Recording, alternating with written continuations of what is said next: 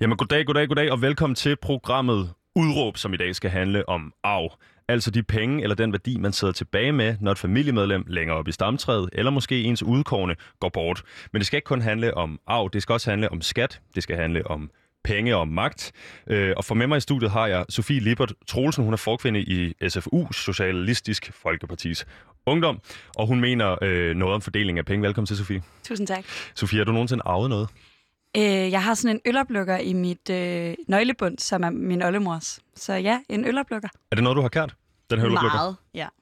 Øhm, fordi jeg tænker nemlig, at vi skal snakke en masse om, øh, om arv i dag, øh, og øh, du og jeg er jo to øh, relativt unge mennesker, tør jeg godt sige. Øh, jeg har aldrig arvet noget. Øh, du har så selv arvet en øloplukker. øhm, hvordan er det her med, med, med arven? Altså, hvis man følger dig i, øh, i hvad hedder det, i øh, aviserne og, og følger dig i debatten osv., så, videre, så er det ikke første gang, øh, at du kommer til at optræde med den her holdning. Hvordan er det her blevet mærkesag for dig? Jamen, det tror jeg, det er, fordi jeg har altid syntes, skattepolitik var enormt interessant, og der er noget enormt, øh, når man diskuterer indkomstskat og sådan noget, så bliver det altid en diskussion om, hvilke dynamiske effekter der er, og om man i virkeligheden beskatter produktivitet og sådan noget, hvor arven er sådan en meget clean-cut ideologisk mærkesag, øh, fordi det ikke er en skat på produktion, så det bliver udelukkende et spørgsmål om, hvem der har ret til hvilke penge, og hvornår man skal bidrage øh, til samfundet. Okay, og øh, vi skal selvfølgelig nok komme meget mere ned i det, og vi skal love, øh, jeg lover lytteren derude, at hvis vi øh, bonger alt for højt ud på ligstallene, så skal vi nok lige prøve at tage det ned en gang, for det er jo ikke alle, der er inde i det her øh, skattepolitik og afpolitik og alt muligt andet, øh, og nogle øh, gange kan det måske være en anelse svært at forstå, men vi skal prøve at gøre det øh, så nemt at forstå, øh, som vi kan i dag. Øh, den opmærksomme lytter derude, Sofie, vil vide, at det ikke er din første optræden på øh, Radio Loud. Jeg ved, at du var her i sidste uge på debatprogrammet, der ligger i Slottet før vores, og øh, snak om øh, værdipolitik. Øh, hvad er det ellers, der betyder noget for dig? Oh, jeg, jeg er faktisk blevet øh, aktiv i politik, fordi jeg går enormt meget op i integrationspolitik. Jeg er vokset op i Aarhus, øh, ret tæt på Gellerup, øh, og gået i klasse med enormt mange børn af flygtninge.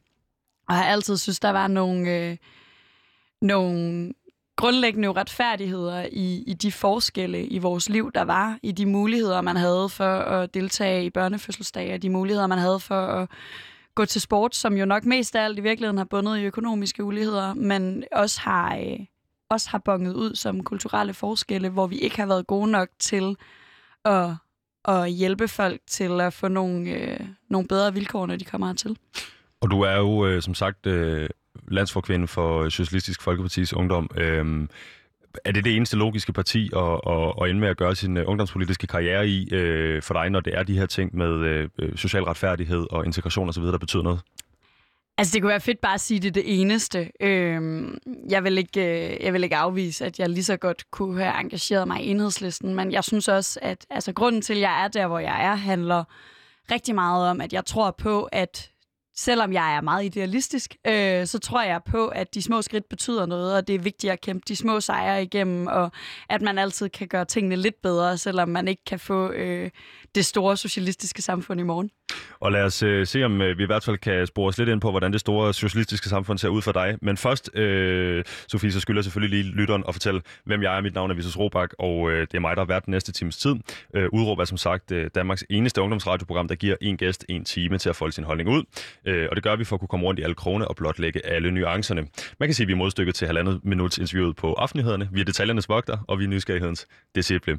Sofie, som sagt, så skal vi snakke om arv, vi skal snakke om penge, vi skal snakke om magt i dag. Øh, hvad er dit øh, konkrete udråb, når det kommer til det her med arven? Jamen, det er, at ingen skal arve sig ind i den magtfulde rigeste procent. Og hvordan kan det være? Jamen, det er der ikke nogen, der skal, fordi øh, vi har vi lever i et samfund, hvor penge og magt hænger sammen. Vi lever i et samfund, hvor økonomi er afgørende for levevilkår og for, øh, hvilken, ja, hvilket liv man får. Og der er ikke noget retfærdigt i, at der er nogen, der er født til det her. Vi tror på, vi taler meget om, at vi lever i sådan et samfund, et meritokrati, hvor det er de dygtigste, der får arbejdsopgaverne og sådan noget. Men det er ikke de dygtigste, der får pengene. Det er de heldigste, dem der er født af de rige. Det øh, skal vi nok øh, prøve at spore lidt ind på, øh, hvem det er, der får pengene, hvem der ikke er, der får det. Øh, vi skal jo også snakke lidt om, øh, hvem der er, der skaber værdien i samfundet, ifølge dig, og hvem der tjener øh, værdien, eller tjener på den her øh, værdiskabelse i samfundet. Øh, helt grundlæggende, Sofie, er du og jeg måske ikke i virkeligheden for unge til at stå og snakke om det her? Forstår vi, hvad det egentlig vil sige at arve noget fra nogen igennem en hel livstid? Jeg tror ikke, der findes nogen politiske emner, som man kan være for ung til at diskutere. Jeg synes, at der er øh, noget afgørende i, at vi lever i et demokrati, hvor alles holdninger øh, er lige meget værd. Øhm, og så længe man sætter sig ind i, hvad man taler om, så, øh, så synes jeg ikke, at der er noget, der hedder at være for ung til at debattere noget politisk emne. Det er jo vores fremtid, det handler om. Altså, det, det, er jo, det vi påvirker nu, er jo vores fremtid og det liv, vi kommer til at leve. Øh, så hvis ikke jeg måtte mene noget nu, så får jeg jo kun lov til at ændre verden for fremtidige generationer.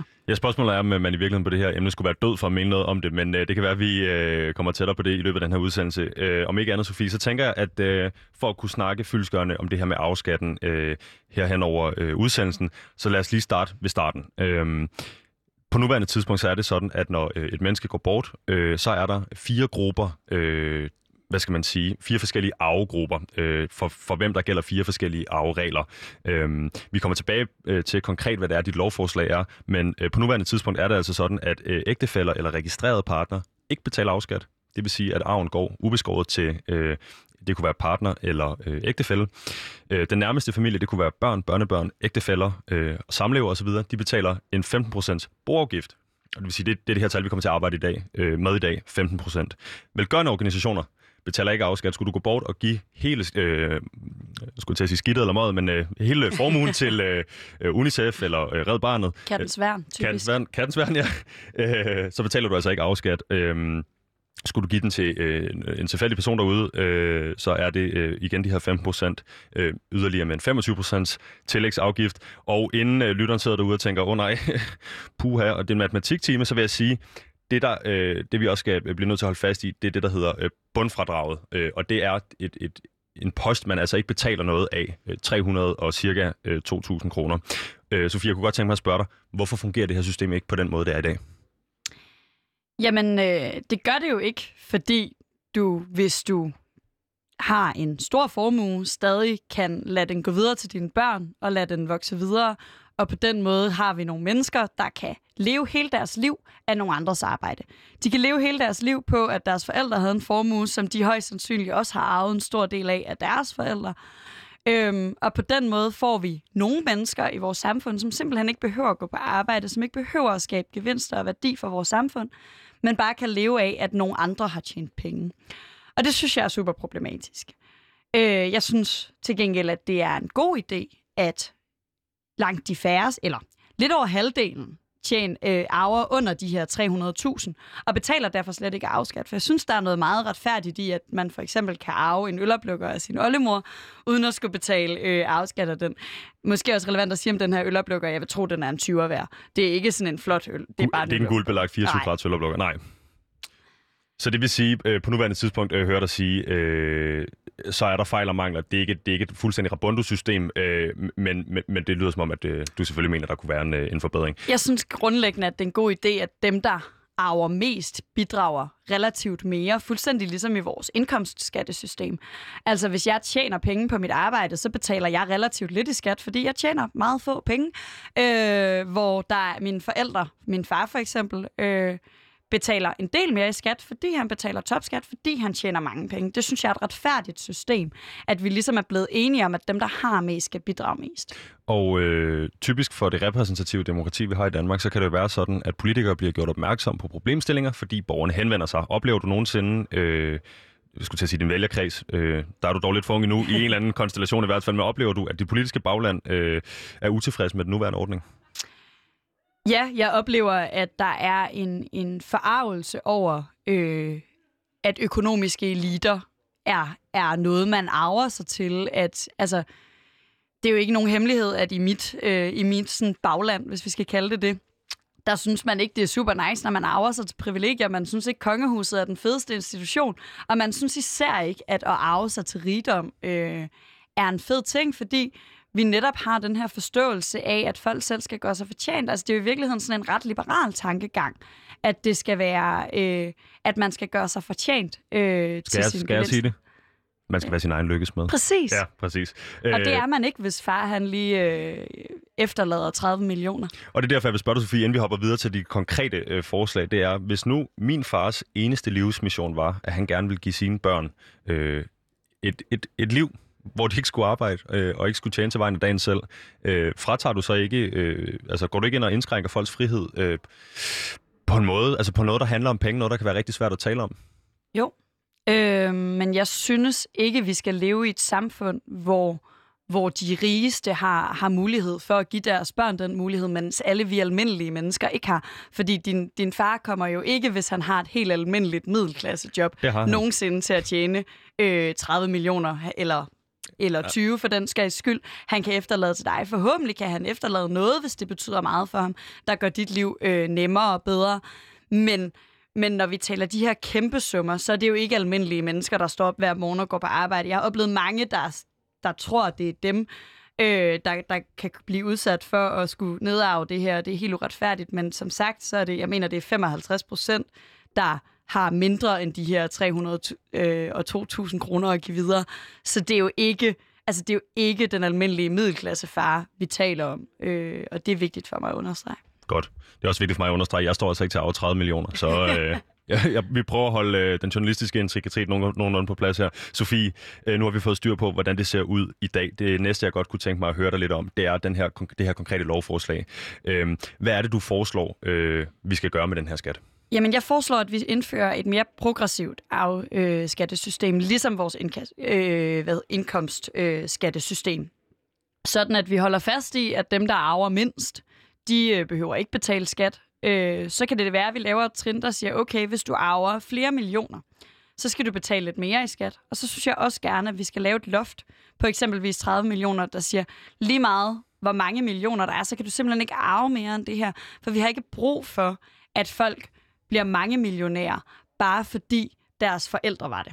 Så øh, for lige at, at, at kode det lidt ind til, øh, til benet, så at sige, Sofie, det du foreslår er, at den første krone efter de 30 millioner, man arver, eller undskyld, fra den første krone og videre, så er der 100% beskatning på. Det er ja. altså nu, øh, skulle du få lov at, at stemme det her igennem, bare lige mens vi står i studiet for tankens skyld, øh, umuligt at arve mere end 30 millioner. Ja.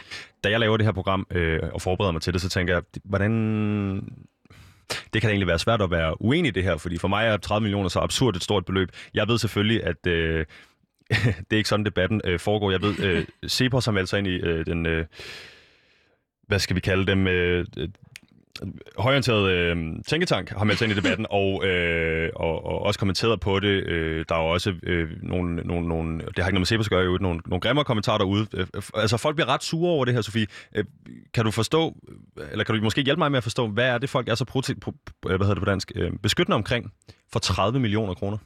Øh, jamen jeg tror, det bunder i to ting. Det bunder i en manglende forståelse for, sådan, øh, hvor meget 30 millioner er. Altså, jeg oplever virkelig mange, der er sådan, øh, jamen alle mænd, øh, alle mænd, øh, hvad hedder det, alle landmænd nedarver 30 millioner, hvor jeg er ked af at fortælle dem, at alle landmænd er forgældet. Øh, ej, ikke alle landmænd, men langt de fleste. Vores landbrug er generelt virkelig forgældet. Der er ikke nogen, der har et plus på 30 millioner, de kan nedarve. Øh, men så handler det jo også om, at, hvordan man betragter det, fordi jeg ser det meget som, at det er den person, der arver penge, der betaler skat. Det er sådan, hvor hele vores skattesystem fungerer, at hver gang penge skifter hænder, så den, der modtager pengene, betaler skat af det. Om det er vores indkomst, så betaler vi skat, når vi får pengene. Når vi går ned i supermarkedet og køber en vare, så betaler supermarkedet moms af de penge, jeg giver til dem. Når vi får udleveret vores øh, SU? Så betaler vi skat af det. Når penge skifter hænder, betaler vi skat. Men for rigtig mange mennesker, så er det her en skat på død. For rigtig mange mennesker, så betragter de ikke arvingen som den, der betaler skat, men den, der er død. Og der kan det godt være, at det er mit, apropos den øh, værdipolitiske debat, vi havde i sidste uge, at det er mit ateistiske jeg, der simpelthen ikke mener, at en død kan betale skat. Altså, når du er død, så er det jo ikke dine penge længere, for du er død, så er der ikke noget, der er dit længere. Øh, så det er jo arvingen, øh, og det er jo en indkomst, som de får, øh, eller en indtægt, øh, som de skal betale skat af. Øhm, så jeg tror, at rigtig mange af de meget voldsomme følelser ligger i simpelthen forskellen i, hvem vi betragter det som. Hvem betaler den her skat?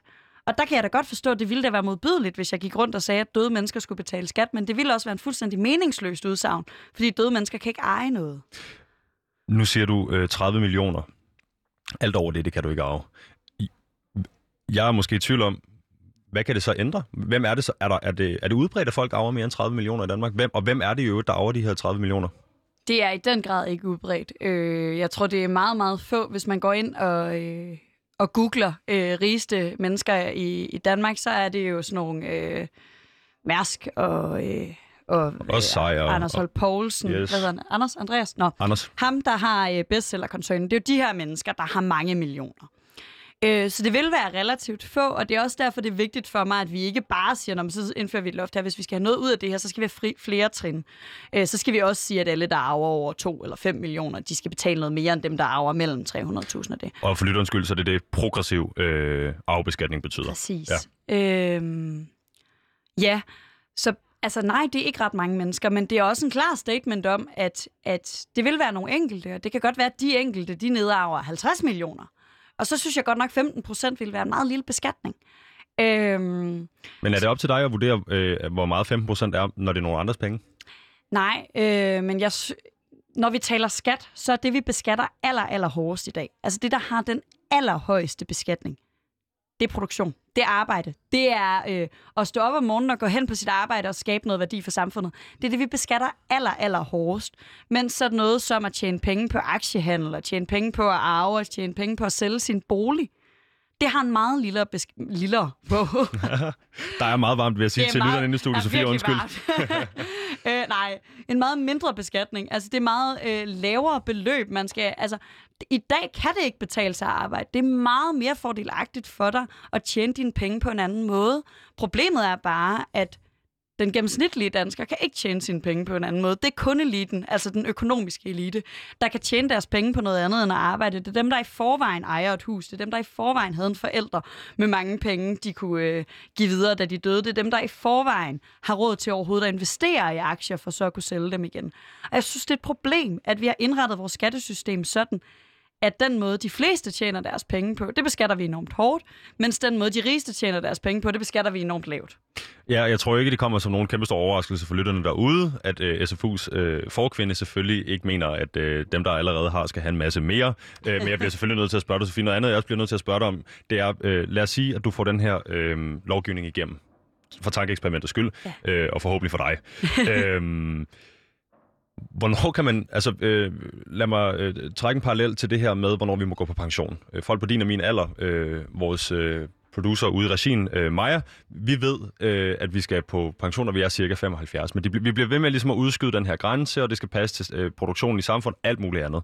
Øh, hvornår er det, man indfører, hvornår er det, man indfører den her slags lovgivning, der gør, at fra den ene dag til den anden vil der være en, en en, en bred vifte af de danske, øh, den danske øh, hvad skal vi sige, overklasse og millionærerne, der lige pludselig får ødelagt hele deres, øh, eller ødelagt, ødelagt, men får frataget sig hele deres øh, livsværk eller deres øh, eksistensgrundlag. Jamen, Altså nedafregningen. Ja, ja, fordi det er jo arvingerne, der får frataget sig den de millioner, de har siddet og vente, ventet på at få, når deres forældre dør. Altså, det er... Hvi- Hvis vi, hvis vi omtaler det her som noget, man har gået og kunne regne med, man får og sådan noget, så synes jeg, vi har nogle øh, øh, meget øh, usympatiske forventninger til rige mennesker. Altså, så forventer vi, at, at de her øh, kommende arvinger, de sidder og kalkulerer med, når deres forældre dør, så bliver jeg mange millionær. Nej, hvor fedt. Øh, det tror jeg ikke. Jeg, jeg, jeg synes ikke, at, at vi behøver at, at vente med det. Jeg synes ikke, det er nogen menneskers øh, sådan demokratiske ret at, øh, at kunne sidde og vente på, at de bare får masser af millioner, når deres forældre dør. Det, jeg håber, at, at, at de her mennesker... Øh, hellere vil have deres forældre er i live, og, øh, og at, at, at det ikke er millionerne, der kommer til at veje op for øh, det tab, de kommer til, vi alle sammen kommer til at lide. Men jeg tænker også samtidig, Sofie, at der er en eller anden form for øh, nuance her, fordi nu står jeg som sagt ikke til at arve når der minder om 30 millioner. Øh, det kunne være, min mor gik ud og vandt i lotto i morgen, men konkret lige nu, så står der altså det her super fede Apple højtaleranlæg. Dem fra nullerne, hvis nogen kan huske det, det er en hvid kasse med en sort front på, den ser super lækker ud. Altså min mor er sund og rask og 7 i 13. Hun er ikke på vej i graven. Jeg vil meget gerne have det der anlæg, Sofie. Hvor, hvor, er det okay mere, end nogen, der gerne, meget gerne vil have 35 eller 40 millioner? Ja. Selvfølgelig er det me- meget mere okay, og, og, øh, og meget gerne vil, vil have et eller andet, øh, der måske har noget affektionsværdi for det, men også som, som ikke... Jeg er ked af at øh, sige det, men, men, men du bliver jo ikke super magtfuld af at have det anlæg. Altså, du bliver bare... Øh, du kan bare spille god musik, og det er da fedt, øh, men det er der jo ikke noget magt i. Øh, og problemet er, at når du får de her øh, mange, mange millioner, så følger der alt muligt mere end bare rig. Altså, rigdom er magt i et kapitalistisk system. Rigdom er vejen til at, at, at kunne kunne bestemme og kunne øh, jamen, i virkeligheden øh, undvige lovgivning, kunne påvirke lovgivning. Altså på alle måder øh, følger magt med rigdom, og magt følger ikke med Apple-højtalere. Modtaget, Sofie. Øh, og vi skal komme ned i det her med, øh, hvad du, hvad du mener i øvrigt er øh, ligestilling mellem øh, magt og penge. Øh, det kommer vi til øh, lidt senere i programmet. Først vil jeg gerne lige spørge dig om noget. Øh, du snakker om et begreb, der hedder beskatning af de indkomster, der ikke skaber værdi. Nu har vi mm. snakket om det her med, hvem det er, der betaler skatten, når penge skifter hænder. Øhm, men det her, øh, hvis man læser din debatindlæg og i øvrigt øh, følger dig, så er det ikke... Øh, altså, det er mere end en gang, man støder på den her sætning, altså beskatning af de indkomster, der ikke skaber værdi. Ja. Hvad betyder det for dig?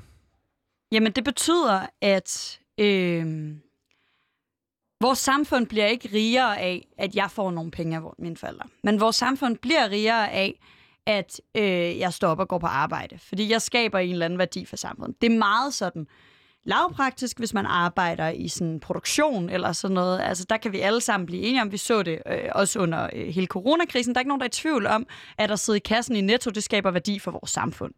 Hvis ikke der sad nogen i den kasse i Netto, så var der ikke nogen, der kunne købe varer, så var der ikke nogen, der producerede varer, så ville vi få en endnu større økonomisk krise, end vi har i dag. Øhm, men hvis vi fra i morgen øh, holdt op med at arve, så vil der ikke forsvinde øh, værdi i vores samfund. Øhm, arve skattefrit eller arve helt generelt? Jamen, hvis nu vi legede, at, at man bare ikke arvede længere, men, men, men jeg, jeg, er, jeg er ikke øh, her for at sige, at vi helt skal afskaffe arv.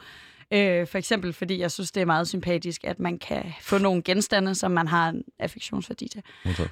Men, men det skaber ikke værdi at arve. Det skaber ikke værdi, at du sælger dit hus. Øh, så hele den her idé om, at der er nogen, der går ud og hjælper på væksten, hjælper på... Det er sjældent, at, at, at man som venstreorienteret står og taler om væksten på den her måde. Men det er jo vores arbejde, der skaber vækst. Det er jo ikke at sælge et hus.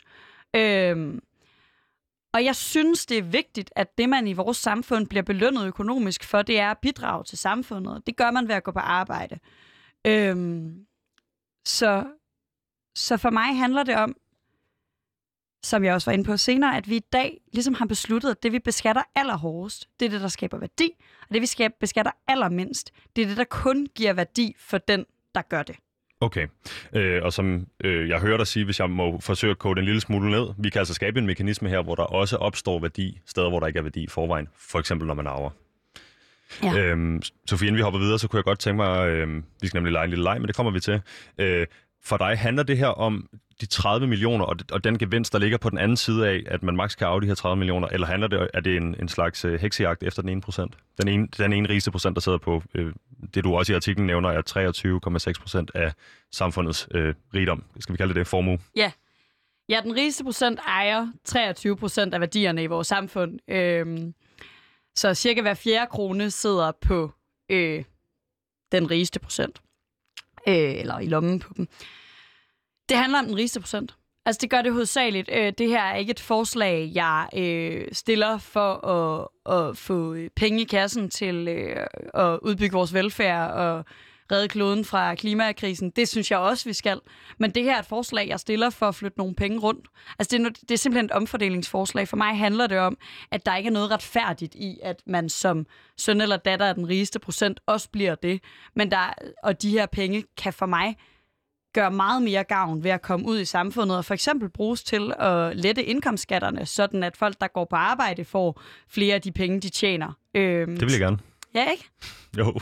Øh, og øh, Sofie, øh, nu kommer jeg til at sige det, vil jeg gerne. Det er jo selvfølgelig... Øh, jeg vil altid gerne have flere penge mellem hænder. Det har ikke noget med min politiske overvisning at gøre i øvrigt. Øh, Sofie, jeg tænker, vi skal lege en lille leg. Ja. Vi har jo øh, den lille leg skyde på her i programmet. Øh, det er sådan set så simpelt. Jeg har taget nogle øh, kommentarer med fra Facebook, øh, som måske ikke vil have set øh, dagens lys, øh, eller have fået øh, et ordentligt svar. Øh, I det her tilfælde er det fra øh, en artikel, du har skrevet, øh, eller en kommentar øh, til en artikel, du har skrevet. Den hedder SF Profil foreslår skat på 100 procent. Øh, du må godt tale om en lille misrepræsentation af dit budskab her, men det er altså det digitale ja. medie uh, A4, fordi uh, for den lytter, der ikke skulle have fået fat i det, så er det altså 100% skat uh, efter de første 30 millioner. Det er ikke 100% på skatten generelt. Øhm, er du med på det? Vi leger ja. en lille leg her. Så det første skud, det kommer fra Per Odgaard Gade. Han skriver, de kommunistiske rødder fornægter sig ikke. Sofia, er det her uh, en grundlæggende kommunistisk politik, du er i gang med at føre? Nej, det er en grunde både socialistisk og liberalistisk politik, jeg er ved at føre. Øh, det er jo øh, liberalismens fader, Adam Smith, øh, var jo stor modstander af konceptet arv, fordi det netop er, er at man netop ikke er sin øh, egen lykkesmed. Og det er socialistisk politik, fordi det er omfordeling fra de rigeste øh, til, til alle os andre, øh, og gerne især øh, til dem, der har mindst. Øh, kommunistisk politik vil være at sige 100% afskat på hele lortet, og så sige, øh, og også lige fjerne, øh, faktisk ville kommunistisk politik måske øh, være helt at fjerne øh, ejendomsretten, så der slet ikke var noget, der hed arv. Øh, det her er socialistisk politik, der sagtens kan fungere i et, øh, i et demokrati, der sagtens kan fungere i et liberalt demokrati, der sågar kan fungere under kapitalismen. Det kan kommunistisk politik sjældent. Det vil jeg, øh, jeg vil håbe, Per sidder derude og lytter med, og han øh, for alvor er interesseret i debatten, øh, men øh, vi godtager det som et svar, Sofie. Øh, det næste skud, det kommer fra Christen Espensen. Han skriver øh, også på den her øh, artikel på Facebook. Så det er staten, der skal arve alt over 30 millioner uden at røre en finger, spørgsmålstegn. Han stiller altså spørgsmålet, hvorvidt at staten bare skal have gratis penge uden at røre en finger. Hvad tænker du om det? Staten rører ret mange fingre. Øh, staten har højst sandsynligt haft øh, et, et ret stort øh, bidrag til, at de her penge overhovedet er blevet tjent. Folk, der har så mange penge, de har typisk haft en virksomhed. I den virksomhed har der typisk været en frygtelig masse vældig veluddannet arbejdskraft, der er uddannet af vores velfærdsstat. Den her virksomhed har fået nogle øh, produkter leveret på vores veje, som øh, staten har sørget for er der. Den her virksomhed har øh, nyt godt af, at vi har et øh, gratis sundhedsvæsen, sådan at de ansatte i virksomheden, når de bliver syge, hurtigt kunne blive raske igen og komme tilbage og producere. Øh, så staten har haft øh, massiv indflydelse på, at de her øh, store millionsummer findes. Det vil sige, det, du godtager altså ikke, at staten ikke rører en finger? Nej, til gengæld rører folks børn sjældent den finger øh, i forhold til, hvor mange millioner man har. Det næste skud, det kommer fra Alex Bertelsen. Han skriver, det er totalt tåbeligt. Forslag, det vil få mange velhavende til at forlade Danmark, og derved en lose-lose situation. Jeg vil blive registreret i udlandet, og derved øh, undgår vi beskatningen. Endnu en gang ganske uingennemtænkt forslag fra denne kant. Altså det problemstilling, Alex lægger op til her, det er det her med, øh, beskatter man de rige for hårdt øh, et bestemt geografisk sted, det kunne være inden for landets grænser, så flytter de ud. Hvad tænker du om det? Må jeg starte lige med at sige, at han er jo er endnu et tilfælde på folk, der tror, at de selv har 30 millioner. Altså, han vil gerne flytte ud, og det, det kan godt være, hvad hedder han, Alex Bertelsen, har det. Øh, det er meget usandsynligt, øh, og jeg tror, de færreste med 30 millioner bruger deres energi på at sidde og skrive Facebook-kommentarer til den slags artikler. Den har kun fået et like, så det er i hvert fald det er et dyrt like, hvis det han er 30 millioner værd. Ja. Øh, men dernæst, jo, det er da en problematik, men jeg synes da også, det er ærgerligt, hvis vi hver gang vi laver politik, antager, at folk er så sindssygt grådige, at de øh, forlader alt, hvad der øh, øh, har hjulpet dem dertil, hvor de er. Fordi, som jeg nævnte før, så er det jo fordi, vi har et enormt stærkt samfund, at man overhovedet kan tjene så mange penge. Og hvis folk er så grådige og selvoptaget, at de gør det, så er det jo det synes jeg er en ærgerlig tilgang, men det er jo også et stærkt bevis på, hvor meget magt man har, hvis man har mange millioner, fordi vi andre kan jo ikke bare flytte ud af landet og slippe for at betale indkomstskat. Tror du ikke, øhm, altså nu vil jeg nødt lidt øh, lægge ord i munden på dig, men øh, vi har jo lidt været inde på det tidligere, at de her mennesker, der har øh, samlet den her, de her store formuer, øh, det, det er jo ikke et direkte citat, men det, det du siger før, at det er jo også på ryggen af et samfund, der har øh, nogle enormt gode øh, faciliteter for, øh, hvad hedder det, at skabe den her øh, vækst og rigdom. Kan de ikke godt finde på, altså uafhængig af om det er usympatisk eller ej, kunne de så godt bare finde på at flytte alligevel? Vi ser, at de flytter for mindre end, øh, for mindre end 30 millioner. Jo, og det synes jeg er øh, vildt ærgerligt. Jeg synes, det er vildt ærgerligt, at vi lever i et samfund, hvor økonomisk magt har så stor betydning, hvor altså, jeg vil ikke vide, hvad jeg skulle bruge 30 millioner på. Altså, hvad skal jeg gøre, når jeg har købt verdens lækreste hus og øh, verdens lækreste Tesla og så... En håndholdt blæser til det her studie, Sofie Lipper. ja, det, det vil, okay, det vil være det første, jeg købte, hvis jeg havde 30 millioner. Men, men hvad er det for... Altså, hvad er det for? Jamen, så er det jo rent den her grådighed efter den magt, der følger med pengene. Fordi det er ikke fordi, at, at ens liv, levestandard vil falde betydeligt, fordi man allerede er oppe i de her svimlende beløber. Nej, det handler rent og skær om sådan en... Og, og det kan godt være, at folk er sådan. Det kan godt være, at det er vilkårene. Men, men vil vi virkelig leve i et samfund, hvor vi lader os bukke under af, at folk er sådan? Vil vi virkelig leve i et samfund, hvor vi baserer vores lovgivning? Uden sammenligning i øvrigt minder mig det om folk, der, der vil fjerne forskellige forbud, fordi folk alligevel bryder dem. Jamen, vil vi ikke hellere leve i et samfund, hvor vi, hvor vi er altså, hvor vi har lavet nogle grundregler, og så er der nogen, der snyder, der er nogen, der bryder. Vi skal gøre alt, hvad vi kan for, at det faktum, at du har mange penge, ikke gør, at du kan snyde dig udenom loven. Men det er da for ærgerligt, hvis vi ikke kan skabe det samfund, vi drømmer om, fordi vi bare går rundt og forventer, at mennesker er øh, grådige og egoistiske. Jeg vil lade det være det sidste ord til Alex Bertelsens kommentar. Øh, og til lytterne ude, vi leger fortsat skyde på. Jeg har et sidste skud til dig, Sofie. Øh, og som vi jo godt kan lide at gøre det her program, så slutter vi af på en positiv note, når det kommer til øh, den her lille leg. Nogle gange kan det gå, øh, kan der være lidt høj bølgegang på Facebook. Eva Jordi eller Jordi skriver, hvorfor skal grænsen ligge på 30 millioner kroner? Hvorfor ikke 10 eller en enkelt million? For hvad skal de rige, eller hvorfor skal de rige udbytte, øh, have udbytte af også almindelige borgere? Hvad tænker du, når du hører det? Jamen, jeg synes jo, hun har ret. Altså, jeg synes, hendes analyse af, at, at der er en masse rige mennesker, der, øh, der, der får nogle penge øh, på bekostning af de helt almindelige. Øh, en million vil jeg klart synes var for lavt. Øh, det, det, det vil jeg synes var et lavt loft over arv. Øh, også fordi jeg anerkender, at ting kan handle, og at arv kan handle om, om boliger, kan handle om, om, om ting, der har værdi for folk, kan handle om, om små øh, familieejede virksomheder, den lokale kiosk, øh, som altså aldrig vil være 30 millioner værd. Øh, men jeg synes, hun har en pointe i, at, at vi også godt, altså, vi godt kan sætte en meget høj beskatning på over 10 millioner, for det er virkelig få, der arver i den her størrelsesorden. Så det, hun måske øh, snuser lidt til i virkeligheden, er det, du snakker om i forhold til den progressive arvebeskatning. Altså, at øh, jo mere du tjener, jo mere kan man også tage kost i skat. Ja. Tak fordi du vil lege med, Sofie. Ja, selv tak. Øhm, og så vil jeg sige til lytteren derude, der skulle have tændt efter timestart, at du lytter til Udråb på Radio Loud. Vi er så heldige i dag at have øh, forkvinde for SFU, Socialistisk Folkepartis Ungdom, Sofie Lippert med i studiet. Øh, tak fordi du vil komme, Sofie. Ja, selv tak. Vi skal videre. Vi skal til at snakke lidt om det her, øh, som jeg tænker også spiller en rolle for dig, øh, nemlig penge og magt. Ja. Øhm, jeg læser lige et citat op, øh, så må du øh, høre, om du kan genkende det. Man skal ikke kunne arve sig til at blive en del af den ene procent, der til sammen råder over næsten hver fjerde krone i Danmark.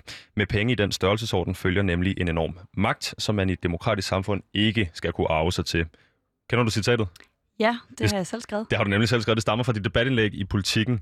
Øhm, hvor meget det her handler om den ulighed, der er bygget ind i arvemekanismen, og hvor meget det her handler om at tage for det rige og give til det fattige? Jamen, det vil jeg jo, det vil jeg jo sige er det samme. Øhm, altså, det handler om, at, at lige nu er arv med til at reproducere uligheden, med til at forstærke uligheden. Hvis man er sådan en nørd på det her punkt, så har man læst en masse Thomas Piketty, som jo er den helt store øh, øh, økonom for tiden på venstrefløjen. Øh, og hvis du spørger ham, så er han i hvert fald ikke venstreorienteret. Øh, men han er meget venstreorienteret. Øh, og, og, og snakker meget om det her med, at vi kan se gennem de seneste mange år, at, at uligheden falder ikke, fordi de her store formuer akkumulerer sig.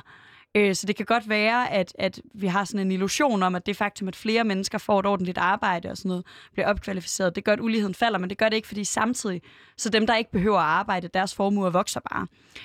Øhm, så så det her... Skulle vi måske for lytterens skyld sige, at det er et grundlæggende princip inden for økonomi, at hvis man sidder på en masse penge, så bliver de her penge mere og mere værd. Det har historien ja. altså vist. Det gør øh, så når Sofie øh, snakker om, at, øh, at man kan arbejde, eller man kan lade være med at arbejde og stadigvæk tjene penge, så kan det altså godt lade sig gøre, hvis man kommer op i en vis størrelsesorden med de her penge, alt efter meget, hvor meget man selvfølgelig forbruger. Præcis. Undskyld, jeg lidt to for dig fortsæt, Sofie. Jamen, det er helt i orden. Ja, så, så for mig handler det jo om, at lige nu har vi en ulighed, der er stigende, den vokser, den vokser, den vokser, og det skal vi forhindre den i at gøre. Det bliver vi nødt til at gøre ved at øh, gå ind og se på, jamen, hvordan forhindrer vi, at de her kæmpe formuer, de bare skifter hænder uden nogen øh, yderligere konsekvenser. Øhm, og det handler jo om at tage fra de rige og give til de mindre øh, bemidlede. Men især altså jo også om at tage fra de allerrigeste og give til samfundet. Altså det er jo ikke sådan en, det er jo ikke fordi øh, de allerrigeste skal have taget en pose penge, og så skal den direkte over til nogen, der ikke har så mange penge. Det vil der være noget øh, smukt i på anden vis. Men ideen er jo, at, at de her penge, som har akkumuleret sig, altså ligesom bare er vokset af sig selv, at de skal ud og gøre godt i samfundet, og ikke bare gøre godt for den, den næste arving. Dem, der er i stand til at videregive 30 millioner kroner, det kunne være til børn eller ægtefælder eller lignende. Øhm, jeg tænker, det må være... Selvom, at der, altså selvom der er gunstige forhold for at skabe værdi i Danmark, så er det stadigvæk svært at komme derop. Der er mange mennesker, der gerne vil have beløber i den størrelsesorden, der gør, at de kan trække sig tilbage, og alt muligt andet, hvad øh, øh, intentioner med den slags penge er, øh, skal være op til dem, der har dem. Men øh, er folk, der kan samle 30 millioner på en levetid, måske ikke i virkeligheden bedre til at forvalte den slags penge, end staten er? De har jo ikke samlet 30 millioner på en levetid. De har med al sandsynlighed fået øh, de første par millioner, øh, eller de første 10 eller 20, øh, i en lignende arv. Det er jo sådan nogle familier, hvor det går igen og går igen og går igen. Øh, og uden sådan at ville sige, at alle rige mennesker er Donald Trump, så synes jeg ikke, vi ser øh, sådan klare eksempler på, at jo flere penge du har, jo bedre er du til at forvalte dem. Øh, Donald Trump er jo stjerneeksemplet på at have fået nogle millioner af sin far, og så gå ud og brugt dem, og har haft den ene virksomhed efter den anden, der gik bankerot, og alligevel være mange millionærer den dag i dag. Øhm, og det... Tror vi. Må, måske, måske. Måske lader han bare som om. øh, Måske var det derfor, han ville være præsident, fordi han havde brug for en ny indkomst. Ja. Men ikke desto mindre, så er der ikke noget, der indikerer, at, at bare fordi man har mange penge, så er man øh, super hårdt arbejdende og dygtig, fordi rigtig mange af dem har fået dem på samme måde, som deres børn vil få dem. Og jo, så er det jo netop, at de vokser, fordi så investerer man dem forskellige steder. Så køber man en masse boliger, når boligpriserne er lave, og sælger dem alle sammen. Og i mellemtiden leger man dem ud til en grotesk høj husleje, så studerende ikke kan bo i byerne, og sådan kører vi ligesom. Øhm, så så ideen om, at penge forvaltes bedst af de rige, den køber jeg ikke. Hvis jeg nu trækker Lars Seiers øh, sejlersko, og så siger, øh, nu står der en ung kvinde ind i et radiostudie og siger, at øh, det ikke altid er de hårdt, hårdt arbejdende, øh, der kommer til de her penge osv. Øh, det, jeg kunne forestille mig, at der var nogen, der fandt det en anelse provokerende. Øh, er, er der ikke også noget med, hvad er spillets regler, og hvordan, øh, hvordan forholder man sig til dem? Jo, men det er jo, gerne, det er jo spillets regler, jeg rigtig gerne vil lave om. Øh, og jeg tror simpelthen grundlæggende ikke på, at en øh, helt almindelig øh, tømmer, for eksempel, der arbejder 40 timer om ugen, står op, gør sit arbejde, knokler for at øh, gøre det godt, øh, er flere øh, hundrede gange dårligere end en direktør i en eller anden virksomhed. Altså, han er ikke flere hundrede gange mindre værd for vores samfund. Det synes jeg virkelig ikke. Øh, og så bliver folk enormt provokeret, når jeg sådan siger det, som om jeg synes, han er meget mere værd, og siger, at direktør ikke løfter en finger. Og det er jo også en provokation, når jeg siger det.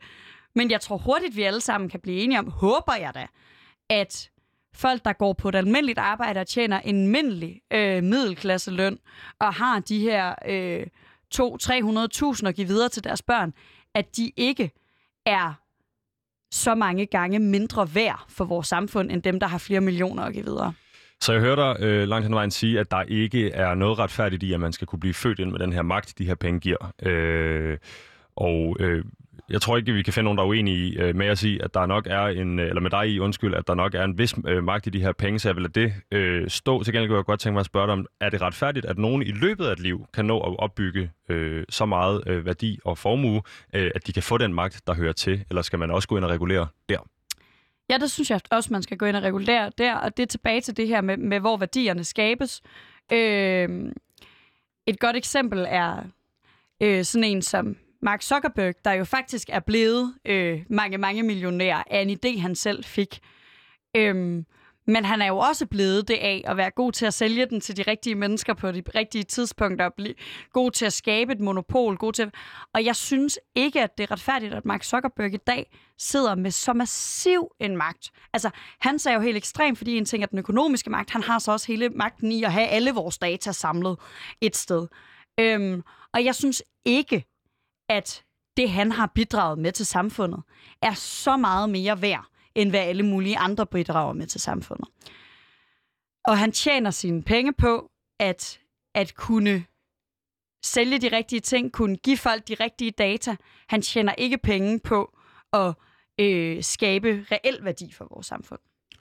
Så øh, tilbage til det med spillets regler, det er dem, du gerne vil ændre på. For jeg tænker jo, øh, han, er, han er jo god til de her ting, men det er jo så også fordi, det er det, hvis man gerne vil tjene penge og have indflydelse og skabe det her sociale netværk, han har skabt i løbet af sin levetid, så er det jo sådan, man gør det, kan man ja. sige. For han er i hvert fald blevet enormt succesfuld med det, om, om han er specielt solidarisk eller ej. Øh, Sofie, øh, noget, jeg tænker, vi skal bruge en lille smule tid på at snakke om nu her, det er jo øh, hele den, det her overordnede tema, der ligger øh, over den snak, vi står og har nu. Det ligger over de debatindlæg, du skriver i øvrigt, og det ligger over øh, Venstrefront, der prøver at regulere øh, finanspolitik øh, og pengepolitik. Mm. Det er det her med kamp mellem idealisterne og øh, kapitalismen. Øhm, har du en oplevelse af, at, at altså, fordi det lyder på mig som om, at du mener, at øh, det kapitalistiske, den kapitalistiske, kapitalistiske dagsorden er, er blevet, den er blevet for, hvad skal vi sige, den styrer for meget. Ja. Kapitalismen har fået for meget magt. Kan, kan du som øh, politisk engageret øh, i Danmark øh, ændre på det her? Altså, er der overhovedet nogen kamp her, eller så snart at det kom tæt på noget, der kunne ligne noget, der kunne blive til politik, så vil der komme nogen og betale nogen øh, under bordet et eller andet sted? Hvad, hvad er det, du tænker, der foregår? Hvad er det for nogle mekanismer, og, og har du en chance? Der fandtes jo sådan en organisation øh, under, hvad hedder det, under den seneste røde regering, øh, altså øh, Helle Thornings regering, der lagde man ligesom op til at hæve afskatten, og så var der sådan en øh, organisation, og lige nu kan jeg ikke huske, hvad den hedder, men den hedder Vækst igennem generationer, tror jeg. Øh, og det var simpelthen en, en, en organisation, en lobbyorganisation af de rigeste mennesker i Danmark, der gik sammen om simpelthen at øh, kræve og skubbe og presse på, at den her arv... Øh, afgift ikke blev hævet, og så lykkedes det jo for dem. Og det er jo kæmpe bevis på netop de riges magt, fordi øh, altså, hvis vi ser, hvor utilfredse folk i ghettoerne er med ghettoplanen, øh, det er der jo ikke lige nogen, der ændrer på. Selvom der er mange flere af dem, end der var i øh, vækst i generationer, øh, så er der jo ikke lige nogen, der bare fordi der er mange, der er utilfredse med den, fordi det er de fattige, der er utilfredse, og så er vi egentlig lidt ligeglade. Øh, og det er derfor, vi har politik. Fordi ellers så ville det hele gå op i, at kapitalinteresser bestemmer. Og jeg synes, det er vildt deprimerende, at de bestemmer. Jeg kan få den der følelse, som du lidt lægger op til i det her spørgsmål. Men hvis ikke jeg troede på, at man kunne skabe forandring gennem politik, så ved jeg simpelthen ikke, hvad jeg lavede i det her studie. Og jeg tror grundlæggende på, at øh, hvis vi er mange nok, så bliver der nødt til at ske noget. Jeg tror på, at der bliver nødt til at ske noget på klimadagsordenen nu, fordi millioner og milliarder af mennesker er gået på gaden over hele verden øh, i løbet af de seneste par år for den her sag. Jeg tror på, at hvis vi er mange, så kan vi rykke, selvom der er nogen, der har kapitalinteresserne. Og det er måske på kapitalismens præmisser i nogle tilfælde. Nogle gange vil det være, fordi vi siger, nu gider vi ikke købe det her produkt længere, så bliver folk nødt til at lave det om. Men hvis vi er nok, der siger, vi gider ikke leve i et samfund, hvor dem med mest magt, dem med flest penge, det er nogen, der bare er født til det, så håber jeg, at vi rent faktisk, og jeg tror på, at vi kan gøre en forskel, for jeg tror på, at der sidder tonsvis af mennesker, og i virkeligheden er det jo ulogisk, at den rigeste procent har magt i demokratier. Altså i virkeligheden er det jo fuldstændig ulogisk, at vi andre 99 procent ikke bare siger, hey, hey, det kunne være mega fedt, hvis de der milliarder, de også var vores. Strider det mod grundtanken i et demokrati, ifølge dig? Ja, Ja, det gør det. Det er et bevis på, at vores demokrati er mangelfuldt, når den ene procent får varetaget sine interesser i så meget højere grad end alle os andre. Når man kan ændre en arvelovgivning, fordi man er rig, men ikke kan ændre en ghetto-lov, uagtet hvor mange man er.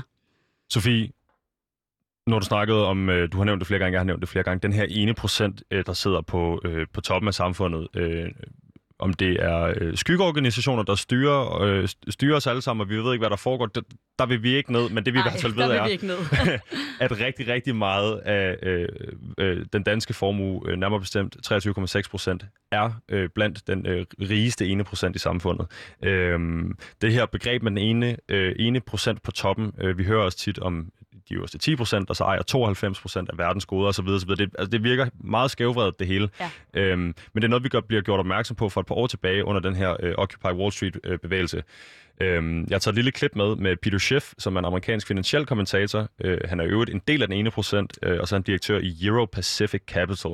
Øh, klippet taler for sig selv. Øh, det kommer her. All right, this is Peter Schiff, and I've come down here to Occupy Wall Street to represent the 1% and see if I can have a dialogue with the other 99%, maybe see if we can find some common ground, and maybe I can help educate the people uh, to direct their protests to the more appropriate source, because it's my opinion that they shouldn't be here occupying Wall Street. They should be in Washington occupying Pennsylvania Avenue. They should be protesting in front of the White House, in front of the Federal Reserve, in front of Congress, in front of the Supreme Court. Øh, amerikansk finansiel kommentator, en del af den 1% direktør i Euro Pacific Capital, øh, Peter Schiff, som altså, øh, hvis vi lige skal lave en, en vanlig lille oversættelse, er taget ind til en af de her Occupy Wall Street demonstrationer i New York. Øh, den, den, den pointe, han kommer med, eller prøver at lave her, er, at øh, det er altså ikke et spørgsmål om at øh, altså Occupy Wall Street-bevægelsen. Det er ikke et spørgsmål om at være på Wall Street, hvor pengene bliver skabt, så at sige. Det er et spørgsmål om, siger han til sidst, I skal tage til Pennsylvania Avenue, som er øh, den gade, hvor det hvide hus ligger på. I skal tage til The Federal Reserve osv. I skal tage til der, hvor politikken bliver lavet. Det er lidt tilbage til det, du siger før. Øh, det er ikke nødvendigvis der, hvor pengene bliver skabt, at vi skal øh, gøre op med den her problemstilling. Det er der, hvor beslutningerne om, hvordan man overhovedet kan skabe penge, bliver truffet. Øh, grund til at jeg spiller det her, fordi han jo også snakker om det her med den, øh, om, at være øh, repræsentant for den, for den rige, rigeste ene procent. Han, han er egentlig taget ind originalt. Øh, det er et par år gammelt klip, men for at bare have en dialog med de her typer. Mm. Er, der, er der noget, øh, hvad skal man sige, er der noget grundlæggende forkert i, at der er en masse øh, hvad hedder det, øh, værdi øh, samlet på toppen, øh, så længe at øh, jeg kan gå gratis på, øh, på hvad hedder det, universitetet og øh, gymnasiet, og jeg kan gå til lægen og det ene og det andet? Ja, det er der, fordi han jo her har en illusion om, at man bare kan gå ind øh, foran det hvide hus og få dem til at gøre det, man gerne vil have. Øh, fordi han sikkert selv kan. Fordi han sikkert selv kan få et møde med præsidenten og sige, hey, jeg synes det her. Synes du ikke også det? Og hvis ikke du synes det, hvis så jeg giver dig et par millioner, synes du det måske så? Øh, nu beskylder jeg ikke øh, den amerikanske præsident for korruption. Det kunne jeg ikke drømme om. Øh, men, men det er... Men ideen om, at, at han har en helt anden magt, han kan gå ind på det hvide hus og sige, hey, jeg synes det her, det vil der folk holde sandsynligt lytte til. Alle de mennesker, der står på Wall Street, hvis de stod over ude foran det hvide hus, så er jeg sgu ikke sikker på, at loven vil blive lavet om. Og det er et problem i vores demokrati. Det skal vi lave om. Øhm, så, så der er noget... Der er noget... Og jeg har ikke lyst til at kalde det privilegieblindhed, men det er det jo. Altså, han, han ved, at han har... Øh, for ham er verden sådan et sted, hvor man bare kan sige til politikere, hvis man gerne vil have lavet noget om. Men problemet er, at i rigtig mange demokratier øh, er verden ikke sådan, at hvis folket bare vil have lavet noget om, så bliver det lavet om. Altså, vi har masser af eksempler på det. Der er bredt flertal for en samtykkelovgivning. Hvornår kommer den? Altså, det, det, det bliver jo ved og ved og ved, fordi der er nogle interesser hele tiden, der spiller ind. Der er andre ting, end hvad folket bare lige vil have lige nu, der spiller ind. Øhm, og det kunne være fantastisk, hvis det ikke var sådan. Men jeg tror, der er noget meget fornuftigt i at, at også vise, hvem der er fjenden i sin demonstration. For det er jo ikke fordi, dem, der sidder inde i det hvide hus, de ikke opdager, hvad der foregår dernede. Det er jo ikke fordi, de ikke opdager, at folket er imod det her. Øhm, men der er en pointe i at pege fingeren den rigtige vej, pege fingeren mod øh, dem, der har magten. Og det er desværre ikke altid politikerne. Mosa Sofie, jeg vil øh, på simpelthen på grund af, at øh, vi, vi står her og hygger og snakker, tiden den går jo altså øh, alt imens. Øh, vend tilbage til noget det, du sagde til at starte med, nemlig hvor du er fra. Øh, i, øh, du er fra Aarhus øh, og vokset op i nærheden af Gellerup og øh, kender til nogle af de øh, problemer, du selv beskriver, øh, med blandt andet øh, indvandrerfamilier og alt muligt andet øh, derude. Øh, jeg tror ikke, jeg tør at sige fattigdom, men i hvert fald øh, øh, mennesker, der har knap så mange midler som Peter Schiff øh, i, i klippet her for eksempel. Øh, fordi i debatindlægget, der nævner du også, at den rigeste ene procent, øh, det har vi nævnt øh, her, øh, at danskere ejer 23,6 procent af den samlede formue. Det man så måske for kontekstens skyld også skal vide, øh, er, at det placeres på en femteplads øh, blandt de andre OECD-lande, altså øh, Organisation for Økonomisk Samarbejde og Udvikling. Øh, din egen personlige øh, fortælling, hvad det er, du har oplevet i dit liv, og så, og så de her tal, øh, store tal, øh, dine ambitioner om at læse videre med matematik og alt muligt andet. Hvad er det, du oplever helt privat eller personligt, der er sket øh, mellem øh, rig og fattig i din levetid? Jamen, jeg tror, min levetid er jo ikke så lang, øh, men, men jeg tror, at, at finanskrisen øh, udstillede meget hårdt, hvor forskellige vilkår det er, fordi vi talte meget om, om finanskrakket, vi talte meget om, at, at bankerne krakkede og sådan noget, men faktum er jo, at alle de mennesker, der var med før finanskrisen, de er stadig på den gode side, hvorimod alle dem, der ikke havde så mange penge, de øh, blev virkelig hårdt ramt. Og jeg er som sagt vokset op der, og grunden til, at jeg synes, det er så interessant, er jo, at jeg er vokset op i sådan en rigtig øvre middelklassefamilie. Altså gået i folkeskolen med, med øh, en helt øh, altså, voldsom overrepræsentation af børn, hvis forældre var læger. Øh, jeg øver mig i at sige læger meget tydeligt, så folk ikke tror, det var lærere, men det var altså folk, der havde mange penge. Øh, og det var så tydeligt, at den ulighed, bare på forskellen på at bo i Åbyhøj og bo i Gellerup, var så massiv. Så tænk på forskellen på at bo øh, i nogle af de dyreste villaer i Hellerup, og på at bo i en lejlighed i Gellerup. Øh, og når forskellene betyder så meget for, hvilket liv vi får, og de forskelle egentlig kun burde være økonomiske, øh, men ender med at betyde noget for, hvilken opvækst du får. Fordi har du overhovedet råd til at have en fødselsdagsgave med til fødselsdagen? Hvis ikke du har det, så kommer du ikke til fødselsdagen, fordi det er vel nok det allermest pinlige som barn. Og alle de her forskelle kommer til at betyde noget på mange flere parametre end det der helt basic, hvad har du råd til? Fordi nej, der er ikke ret mange mennesker i Danmark, der er sådan, der er nogen, og det skal vi bekæmpe, øh, der helt der ikke har råd til at overleve. Det er der ikke. Men der er godt nok mange mennesker, der ikke har råd til at leve det liv, vi andre tager for givet.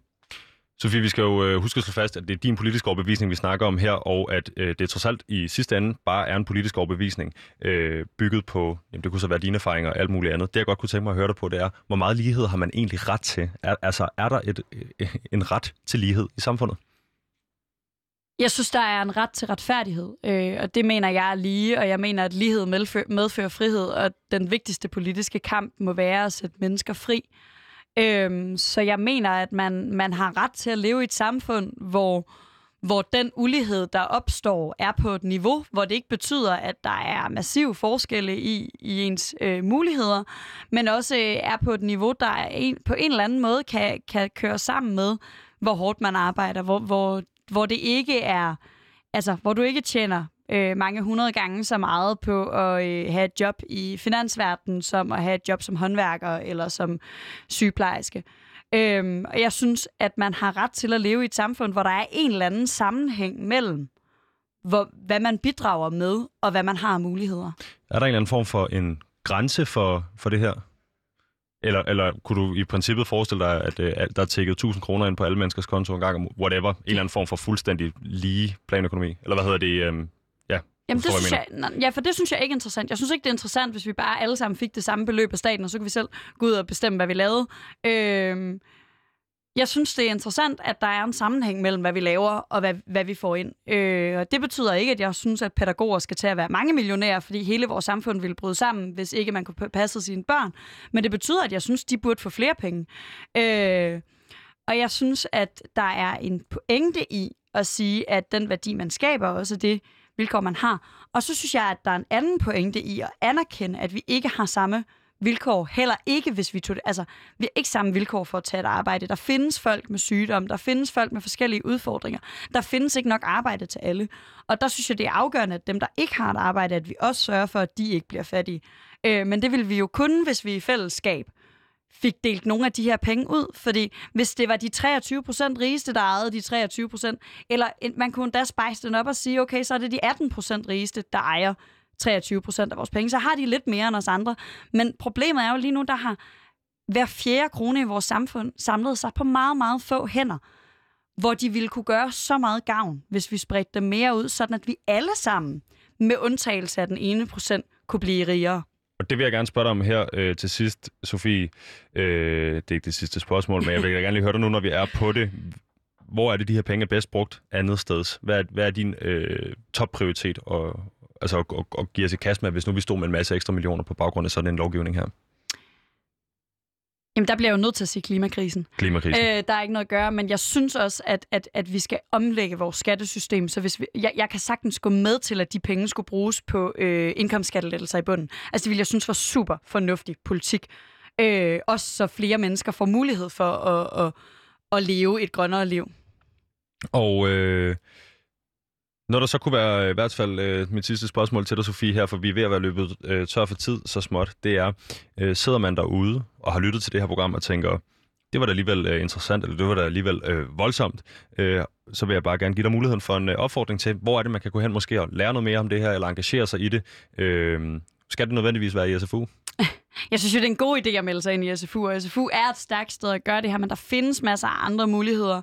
Øh, der findes organisationer som Gode Penge, der arbejder med det her. Der findes masser af, af, af øh, forskellige øh, til, øh, folk, der begynder at snakke mere og mere om det. Oxfam Ibis taler rigtig meget om, om især kønslige øh, uligheder i, øh, i økonomi, som også er det her med, at den ene procent er jo også typisk mænd, øh, og har nogle rigtig interessante ting omkring det, så jeg tror, der er mange steder. Øh, og så hvis jeg sådan fordi nu taler vi om det, som om det er sådan meget idealistisk, men jeg synes også, hvis jeg bare skal køre sådan lidt ananas i SF's juice for en gang skyld, øh, nu har jeg stået og sagt nogle ikke så pæne ting om ghettopakken, men så, øh, så følg Lisbeth Bæk Poulsen. Altså, der SF's finansordfører er, er super klar på at ændre noget seriøst på det her.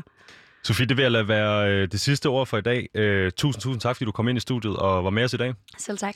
Øh, og så vil jeg sige, at nu nævner øh, Sofie øh, Gode Penge. Vi har haft Andrea Thorup fra Gode Penge, øh, for kvinder, så vidt jeg husker. Øh, inden, det var lige en sommerferie, så det kan man finde øh, fra øh, vores øh, juleflade, øh, den sene juleflade. Øh, ellers vil jeg sige tusind, tusind tak, fordi du kom ind i det her ultravarme studie og tilbragte en time med mig, Sofie.